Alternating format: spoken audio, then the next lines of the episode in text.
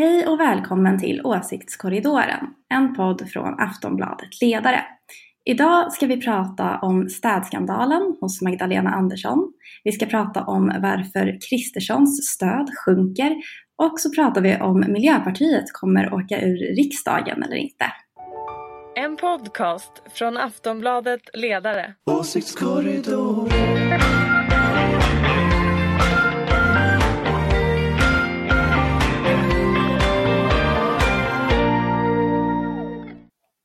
Det är nytt år, men Åsiktskorridoren, en podd från Aftonbladets ledarredaktion, fortsätter som om ingenting har hänt. Med mig idag för att kommentera läget i Sverige och världen finns Ulrika Schenström, chef för den gröna och liberala tankesmedjan Fores. Dessutom oberoende moderat. Hej! Hej hej, här är jag!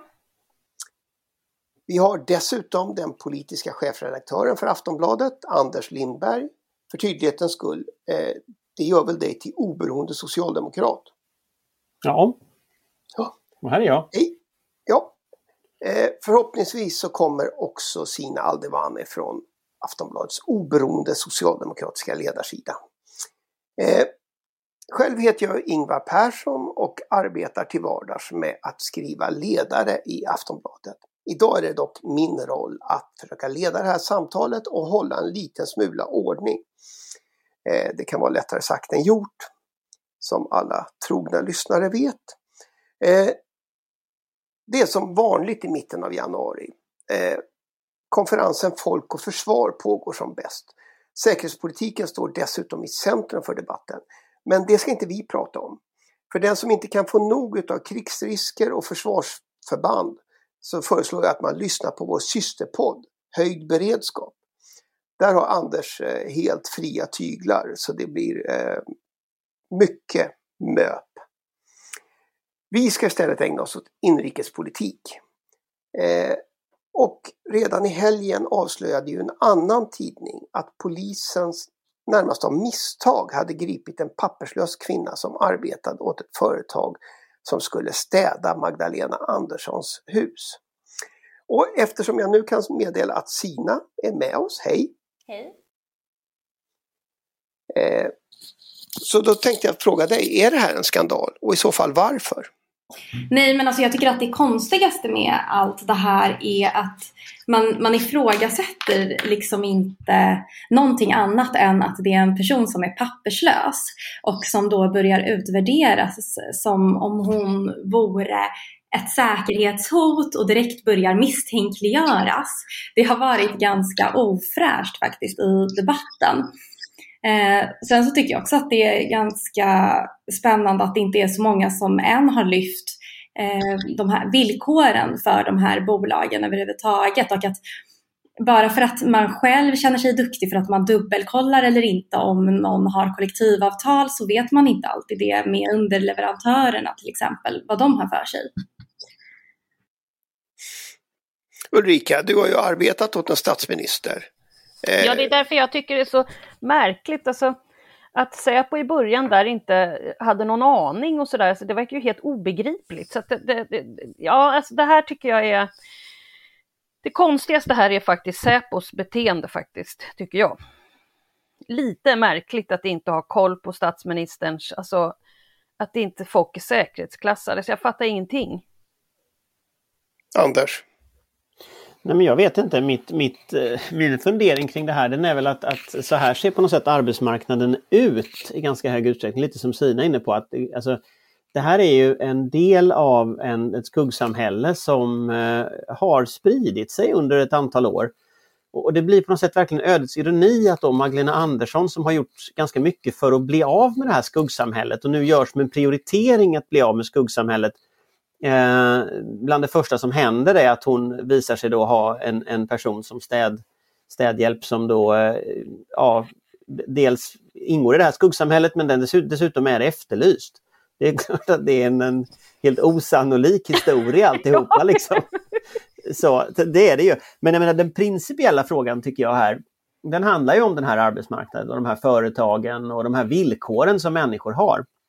Och där har väl inte Eh, där har ju inte Socialdemokraterna lyckats nå vidare med att göra upp med det här skuggsamhället heller. Och det rimliga är ju att människor får eh, papper och får tillstånd att vistas i Sverige och får möjlighet att, att betala skatt och arbeta här. Ehm, jag tycker den här jakten på papperslösa som har pågått ganska länge är ganska obehaglig. Ehm, och det blir så intressant att just det här händer då med Magdalena Andersson som har suttit i den regeringen som har jagat papperslösa. Så det, där, där ser du den stora skandalen? Nej men det, det, är där jag börjar någonstans. Sen är det klart att politiskt är det jättepinsamt. Och du har ju helt rätt Ulrika det här med att Säpo Helt obegripligt. Schabblat episkt. Eh, ja, verkligen. Schabblat episkt är verkligen ett väldigt men, bra uttryck. Men, men, det är mer schabbel i uttalandena hoppas vi ju, än att Säpo faxar schabblat Ja, för det låter helt osannolikt ja. att man inte skulle ha koll. Alltså för mig det, det är ungefär som så här, det kan inte hända, det är helt omöjligt. Nej, men det kanske är så att den här stackars kommunikatören eh, fick order att säga något konstigt och eh, därmed sa det här konstiga och sen får den här kommunikatören skulden för det. Eh, jag vet inte. Men det finns det brukar inte chef... vara så när folk säger vår kommunikation har varit bristfällig. Det brukar betyda att jag har ingen koll alls på vad jag håller på med. Men eh, ni vet när partisekreterare säger det. Oj, vi har inte nått fram till våra väljare. Mm, ingen plan här alls tydligen. Mm. Nej, men jag, jag tror någonstans, jag, jag, i, min, i min magkänsla så det är episkt problematiskt för Säkerhetspolisen ja, det att det blev så här. Eh, det är klart att en, en, person som är efterlyst ska inte gripas på väg in i vad var det, statsministerns garage för att städa. Alltså det, det, är liksom, det går Nej, men det är kalanka över alltihopa, eller hur? Ja, det är kalanka över alltihop. Men sen, alltså, jag måste ju fråga, eh, det är väl precis för att slippa hamna i de här situationerna som man som man inredde en särskild bostad åt statsministern. Ja precis, i det är det som palatset. är så bisarrt. Men det var ju för att flyttstäda för att ta sig dit som det här hände, var det inte så? Jo. Nej, men alltså, alltså, det finns ju liksom ett pinsamt Men jag menar hon har ju varit finansminister i massa år. Ja, alltså, men, detta men det är ju liksom, helt obegripligt. Men det finns, en, finan, det finns en pinsamhetsgrund för det här. Ja, det är jättepinsamt för, för, för finansministern och, och, eh, nu för statsministern att det har funkat så här. Det är en sak. Men sen finns det ju det politiska och där tror jag faktiskt att Magdalena Andersson har en poäng när hon säger att, att eh, hon vill göra rätt. Hon har ju garanterat kontrollerat jättemycket. Eh, och, och politiker på den nivån tenderar väl att vara ganska stressade och nervösa för sånt här så att de, de har koll liksom. Och ändå så blir det en underleverantör till någon, precis som Sina sa, som liksom visar sig då vara, vara utnyttjad på det här sättet. Men det är också roligt för det är precis det här som var kritiken. Det handlar inte om att alltså så här, individer ska välja rätt och kolla upp om folk har kollektivavtal. Det var precis det som var snacket när RUT skulle införas. Så att nu gör vi svarta jobb vita. Ja men lycka till med tusen underleverantörer också som man inte vet vad man har. Och nu går skattebetalarnas pengar till svarta jobb. Alltså det är också helt sjukt i sig. Eh, så jag tycker att den här skandalen belyser ju det också, förutom säkerheten kring Andersson som jag i och för sig tyckte var alltså mindre intressant om man ser på helheten i det här. Sen Vill jag få återkomma? Inte, men, men, sen tycker inte jag, sen har jag sett att det uppstått en debatt också om, om, liksom, om det är rimligt att statsministern har städhjälp. Och det måste jag säga att den tycker jag är jättekonstig. För jag tycker det är väl ganska självklart att statsministern, eller finansministern för den delen, eh, kan ha städhjälp. Eh, och, och, det är klart att, men, men, men samtidigt, det väcker ju alla sådana frågor som kommer tillbaka. Och det blir liksom en symbol för ett klassamhälle eh, när, när personerna då inte har kollektivavtal. Och jag vet, nu vet jag inte om det är svarta löner och sådär, men om hon är om hon är papperslös och efterlyst så tror jag det är svårt att se hur man legalt skulle kunna hantera situationen. Och då är ju det här precis en del i den där brottsligheten som Magdalena Andersson vill göra något åt. Det är liksom sola plexus. Vill jag få återkomma, det handlar ju som sagt om ett eh, större, både säkerheten säkert men också eh, skuggsamhället, om ett större eh, samhällsproblem och flera branscher. Jag tänkte vi skulle ta eh, också frågan om vad ska jag säga, partierna. Imorgon är det den första partiledardebatten för det här valåret. Eh, och samtidigt har bland annat Sveriges Radio publicerat nya sammanvägningar av opinionsläget. Eh, det är två saker som jag tycker vi borde prata om. Eh, först partierna som inte ser ut att komma in. Eh, det gäller ju Liberalerna och Miljöpartiet och Liberalerna har vi pratat mycket om i den här podden. Eh, nu tänkte jag vi skulle säga något om Miljöpartiet. I Aftonbladet skriver Lena Melin idag att det dummaste Miljöpartiet har gjort var att lämna regeringen. Stämmer det Anders eller har de gjort ännu dummare saker? Taskig fråga. Jag vet inte riktigt, de åkte ju ur riksdagen eh, 91 så då måste de väl ha gjort något ännu dummare tänker jag. Eh, men, men, nej, men jag vet inte. Jag, jag, tror inte det var strategiskt så smart att lämna regeringen. Men som sagt, jag, jag är ju då jag är ju då oberoende socialdemokrat och som sån har jag väldigt svårt att förstå hur man lämnar en regering överhuvudtaget. Liksom Exakt, here, here! Mycket främmande uppfattning för min del att man ska som politiskt parti avstå från makt. Alltså, som politiskt parti så har man ju gått till väljarna och erbjudit sina idéer och fått väljarnas stöd för att få makt. Att man då aktivt avstår den framstår för mig som väldigt märkligt. Men ja, det har de ju gjort och väljarna verkar inte tycka det var någon bra idé. Ja, men jag håller eh, inte med Lena Melin här faktiskt, vill jag bara säga. Jag håller faktiskt inte alls med. Vi får se hur det går. Jag kan ju naturligtvis ha fel, men jag tror inte de kunde ha suttit kvar och, och drivit eh, lägre eh, bensinskatt och dieselskatt och så. Jag tror inte de hade kunnat göra det. Så att jag tror att på längre sikt så tror jag det kommer att gå bättre. Du tror att de blir kvar? Ja, jag tror det. Det tror jag också ska jag säga. Alltså jag, jag har väldigt svårt att tro att, eh, att eh, Miljöpartiet åker ut. Eh, de kommer att vara avgörande för att Socialdemokraterna ska kunna sitta kvar vid regeringsmakten. Och det gör att de kommer att få stödröster. Det är jag helt övertygad om. Vad mysigt att deras enda existensberättigande för dig är stödrötter. stödjer Socialdemokraterna.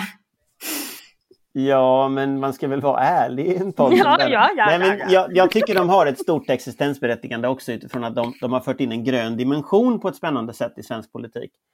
Eh, men eh, jag tror att för väljarna som ska taktikrösta på valdagen, då är det nog det som är avgörande. Och då tror jag både Liberalerna och Miljöpartiet kommer att komma in på sista raden därför att deras röster behövs så att säga för sina respektive block. Men det där är ju en svår kalkyl för den enskilde väljaren att veta om det är just eh, hans eller hennes röst som kommer att avgöra det. Det låter som om vi är på väg in i en valrörelse som eh, är mycket stödröstandet fram och tillbaka. Det låter väl så.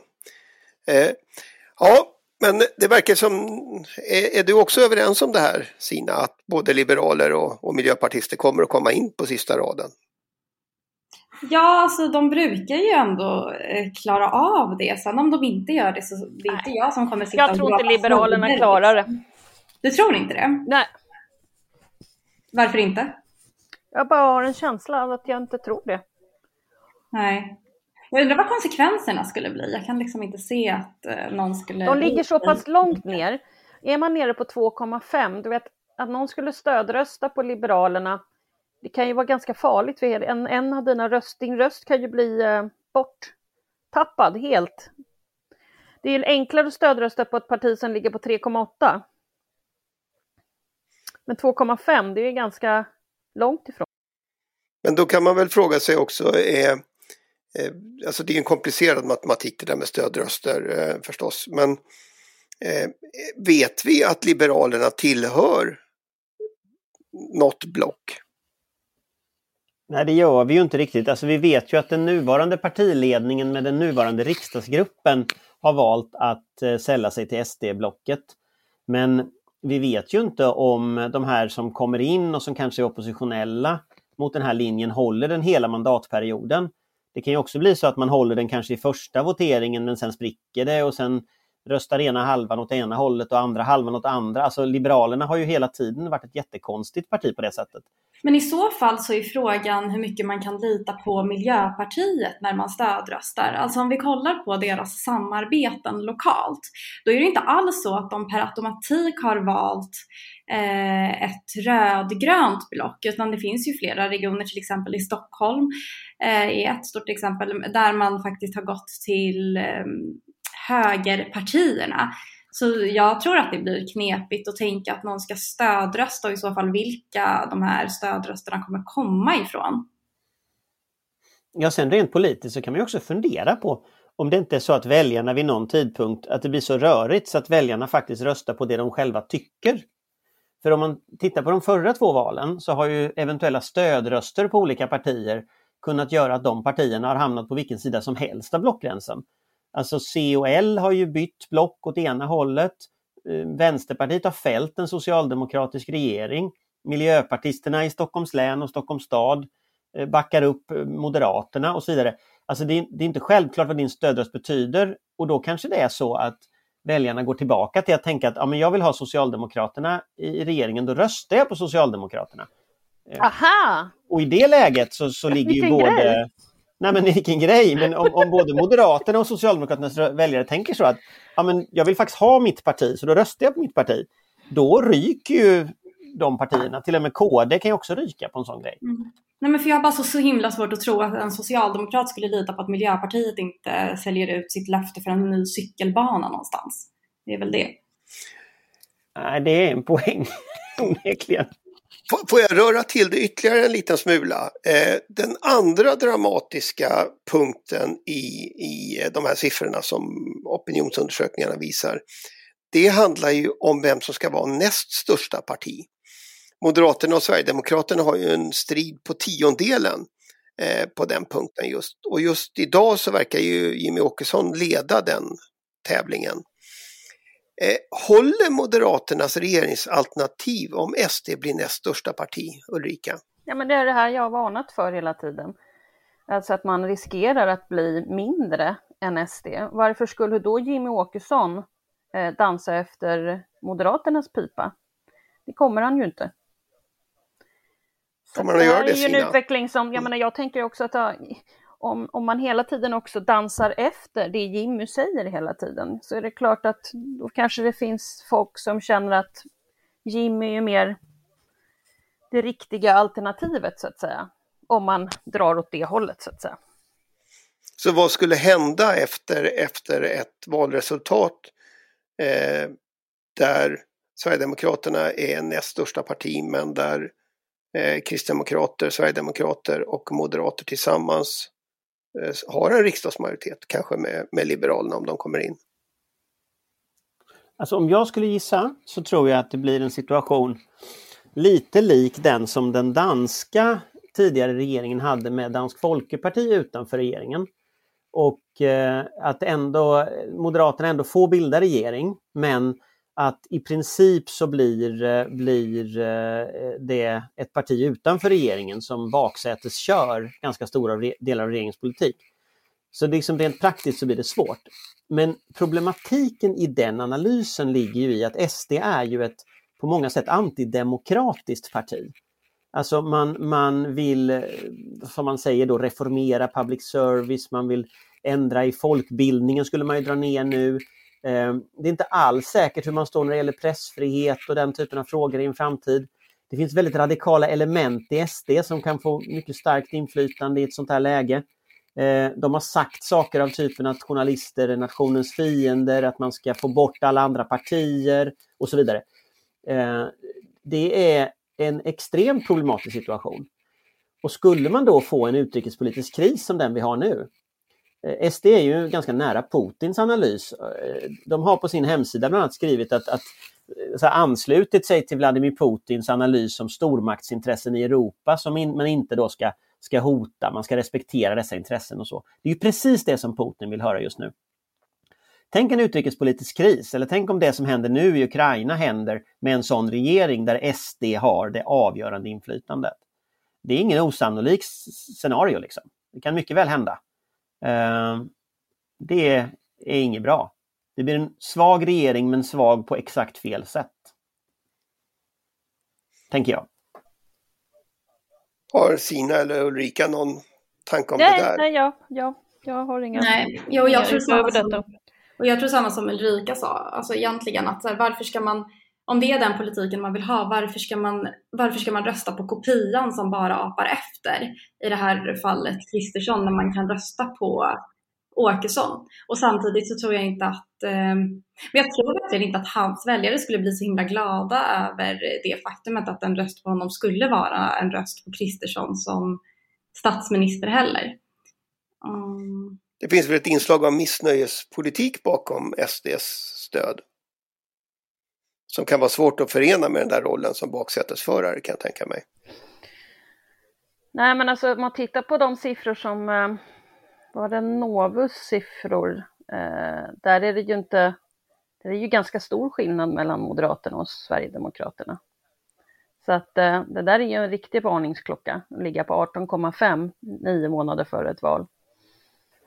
Men sen, sen, tänker jag att en annan sån varningssignal i detta, det är ju för Moderaterna, det är ju också frågan, SD har ju uttryckligen sagt att de inte tänker baksätesköra. De vill sitta ja, i regeringen. Ja, det har de sagt. Och de ska dessutom ha ministerplatser och statsråd. Ja, så att, så att in, även om jag har svårt att tro att Moderaterna kommer att acceptera det i första linjen så kan det ju mycket väl vara så att efter att de har fällt ett par moderata statsministrar, alltså spegelsituationen av vad som är nu, fast liksom där det är SD som fäller en moderat eh, statsminister, då kommer ju Moderaterna antagligen acceptera att SD kommer in i regeringen.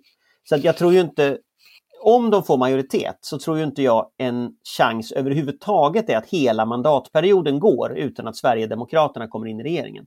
Det tror jag är helt uteslutet. De kommer, det kommer att hända någonting som gör att de kan manövrera in sig i en situation där, där, eh, där Jimmy Åkesson blir justitieminister då i det läget. Eh, och det är klart att är moderata väljare så tillvänjda till det då, eh, tänker väl Moderaterna, så att man ändå ska kunna vinna ett omval? Det, det, jag, jag vet inte, alltså jag, jag, jag har svårt att se. Jag skulle kunna tänka mig att SD är den som skulle gå segrande ur en sån, en sån mandatperiod.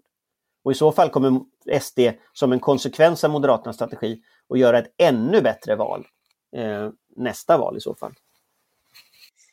Det är ju snart. Eh, det är nämligen så att det här är det vi hinner med i valårets första åsiktskorridor. Eh, jag vill förstås tacka panelen, tack Anders, tack Sina och tack Ulrika. Eh, jag vill dessutom tacka dig som lyssnar. Det är ju du som gör att vi gör den här podden. Eh, vi är tillbaka om en vecka. Missa inte det. Och hej då!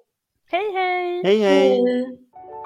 En podcast från Aftonbladet Ledare. Åsiktskorridor.